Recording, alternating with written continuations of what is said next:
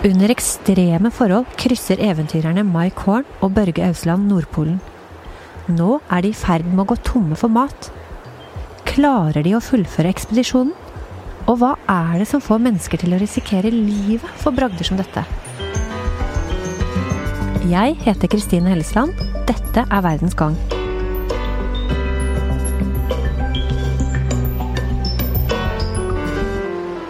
VG har som eneste avis fått lov til å være med på Lance, båten som skal hente de to polfarerne. Det som pågår nå, er ikke en redningsaksjon. Polfarerne har hele tiden planlagt at de skal bli henta ut av en båt ved målstreken. På en veldig dårlig linje fra satellittelefon prøver jeg å snakke med reporter Oda Leran Skjetne, som er om bord. Ja, hallo. Hallo, Oda. Ja. Du, fortell. Hvordan er det rundt dere nå?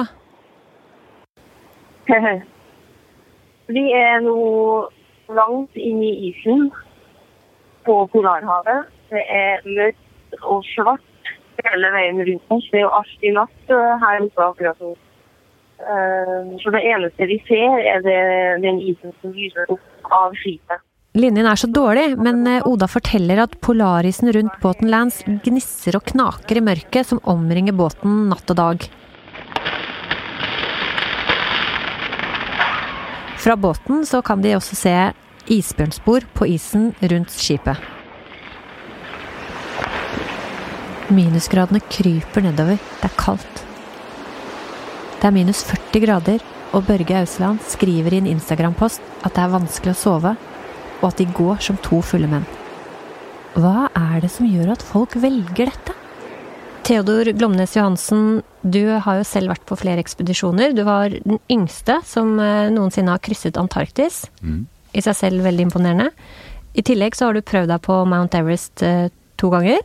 Den Sorry. første måtte du bryte pga. et jordskjelv, og den andre pga. et snøskred. Ja, omvendt, men eh, stemmer. Eh, naturkreftene stanset deg. Mm. Ja. Med unntak av verdensrommet er eh, nesten alt i verden oppdaget i dag. Hva er det som driver eventyrerne eh, ut på ekspedisjon igjen og igjen? Det er nok litt forskjellig hva motivasjonen er. Og veldig mye er oppdaget. Så hvis du skal dra på en ekspedisjon nå, så er det kanskje ikke for å oppdage noe nytt, men det kan være å oppdage noe nytt for deg. At du som person ikke har vært og sett og følt kulden og, og, og sett de ekstreme områdene. Eh, Men jeg syns jo fremdeles at det er mange områder som ikke nødvendigvis har hatt en ekspedisjon. Jeg hadde jo f.eks. en venn i 2019 som eh, ble den første personen til å krysse Kasakhstan sin største innkjøp på over 600 km. Så det finnes masse forskjellige ekspedisjoner, og du kan bli den første. Eh, Og det kan godt hende at det kan være motivasjonskilde for å kunne dra på tur, sånn som Roald Amundsen var nok. Det å nå Sydpolen, det å få et navn og få heder og ære. Det er vanskeligere å få den i dag fordi det er færre områder å, å oppdage, men jeg tror fremdeles at de, de er der. Men hvis vi skal prøve å finne en, en, en fellesnevner blant alle de som drar på tur, så føler jeg at de i dag de ønsker å få kontraster til det vanlige livet sitt. At du ønsker å slippe litt unna alt det du har her hjemme. Eh, ikke nødvendigvis fordi du ikke har det noe bra hjemme. Eh, snarere tvert imot tror jeg det er forferdelig hvis du har noe eh, uoppgjort hjemme og dra på tur, fordi du får så utrolig mye tid til å tenke. Så da kommer det til å komme tilbake underveis på turen og, og gnage og, og uh, treffe deg. Eh, Men jeg tror nok det er mange som vil kjenne litt på det enkle livet, og det å være på tur, kunne slappe av på en annen måte, selv om man er sliten fysisk og mentalt. Og fortell om de følelsene du har når du står i, i disse situasjonene, når du er på tur. Eh, Noe av det som jeg elsker med det, er jo denne kontrasten til hverdagen. At du er alene i naturen, kanskje med en annen, kanskje helt alene, eller kanskje med en gruppe. Eh, Og du får ikke de vanlige impulsene som det du får i et samfunn, hvor du blir eh, får push-varsler på telefonen, eh, og du er hele tiden oppdatert hva som skjer rundt deg. Eh, det er kun naturen, teamet og deg, og det er en Du slapper av på en helt annen måte selv om du er under et stort fysisk press og også mentalt press, så, så har man det godt. Mm. Men kjenner du likevel på frykten? Er det en følelse som ligger tett opp mot de opplevelsene uh, å være på ekspedisjon? Ja, frykten er der. Og frykten skal være der, syns jeg. Det er noe av det som holder deg skjerpa.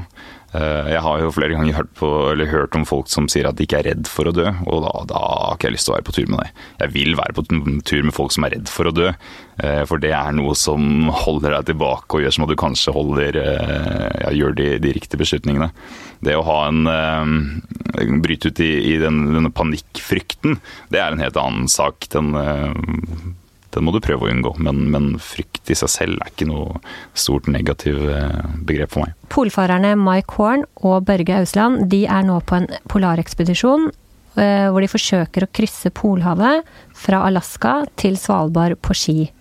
Og da går de over Nordpolen.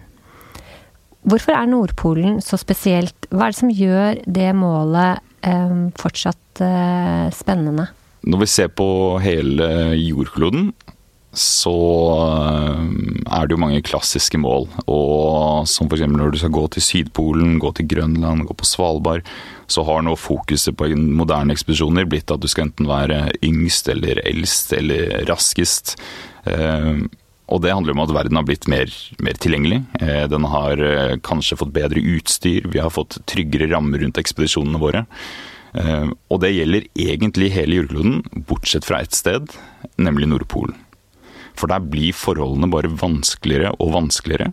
Og spørsmålet er ikke lenger om du kan være yngst eller raskest til å nå Nordpolen. Spørsmålet er er det fysisk mulig å komme seg dit.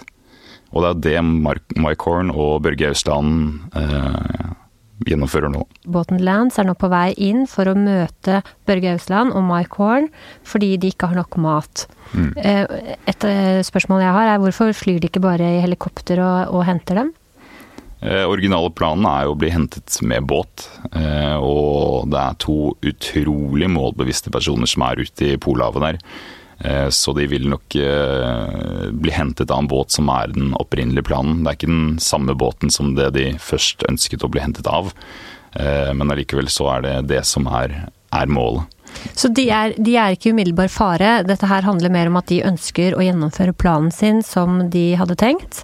Riktignok med et annet fartøy som henter dem opp, enn det de opprinnelig hadde sett for seg. De er jo i et område som er, eh, som er farlig. Det, det er jo mye som skjer der hele tiden. De må hele tiden være på vakt eh, og ta de riktige beslutningene hvert eneste sekund som de, som de er der oppe. Eh, men det her er verdenseliten som er på tur.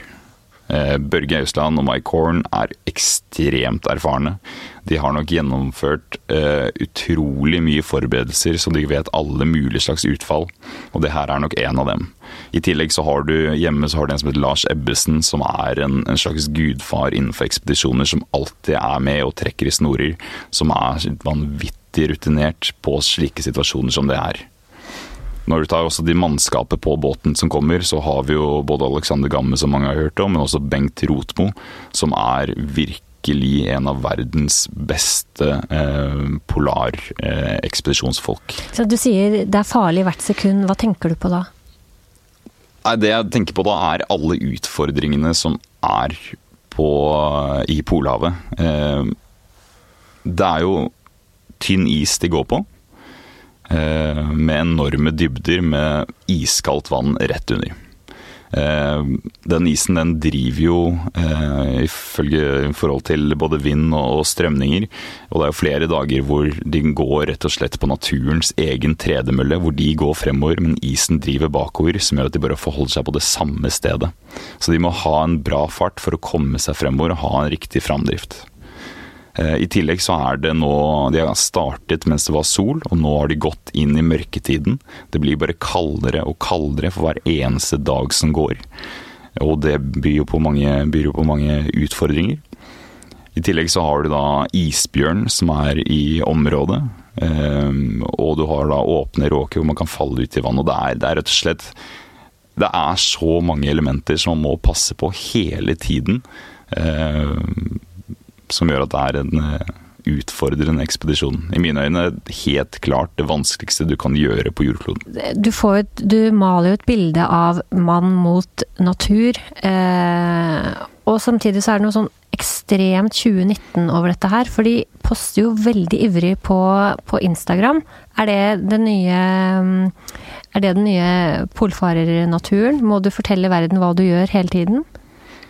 Ja, det er en ganske stor kontrast til ekspedisjonen de hadde i 2006. Eh, hvor det da var helt andre teknologiske eh, muligheter. Eh, men jeg tror nok det henger mye sammen med at de har en utrolig forkjærlighet for natur, og at de ønsker å skape bevissthet rundt alle endringene som skjer oppe i Polhavet. For det er steder hvor det er så å si ingen mennesker som, som er.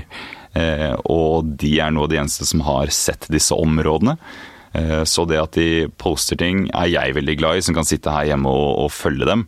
Eh, men det er klart at det er tungt å skulle oppdatere Instagram-profil mens du ligger i et telt på dag 86 med frostskader på fingrene og skal prøve å skrive noe interessant.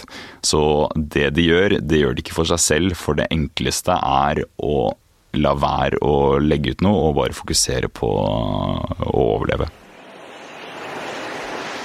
Når vi spiller inn denne episoden, er Alexander Gamme og Bengt Rotmo på vei inn med mat for å møte Ausland og Horn. Målet er at de fire sammen skal ta seg tilbake til båten Lans og vende snuta hjemover. Verdens Gang lages av Tor Erling Tømtrud, Emilie Hall Torp, Roy Furuhaug og meg, Kristine Hellesland. Teknisk produsent er Magne Antonsen.